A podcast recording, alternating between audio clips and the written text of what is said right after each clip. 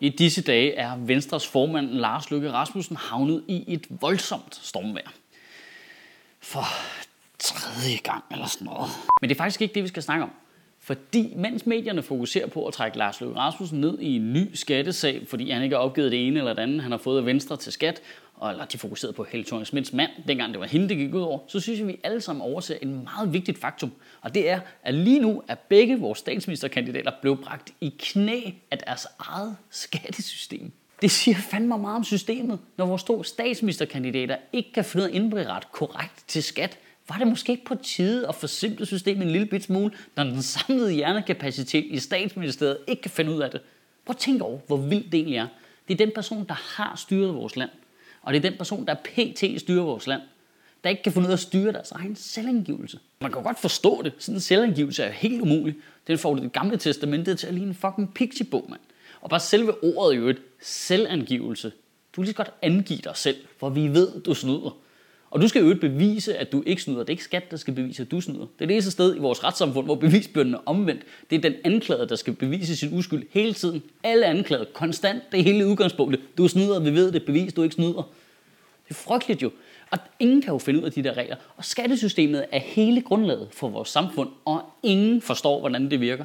Det er fandme demokrati. Alle er lige for den lov, vi fatter hat af. Og inden jeg har harcelerer videre, så vil jeg så gerne lige understrege, at jeg faktisk elsker at betale skat. Jeg synes, skat er en genial idé. Det med, at man betaler nogle penge til staten, og så ordner de en masse praktiske ting for os. Så betaler de skoler og veje og hospitaler, og det kører bare ud af, og jeg skal ikke tænke på det.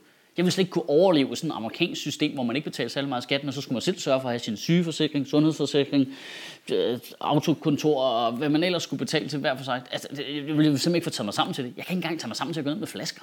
Jeg hørte på et tidspunkt en politiker sige, at Danmark, det var et servicesamfund. Og man sidder bare kigger ned til sin selvangivelse og har fanget mellem rubrik 72 og rubrik røv og tænker, hvad for en planet er det, du bor på? Danmark, servicesamfund, altså, der er intet her, der virker. Altså, har du været på posthuset?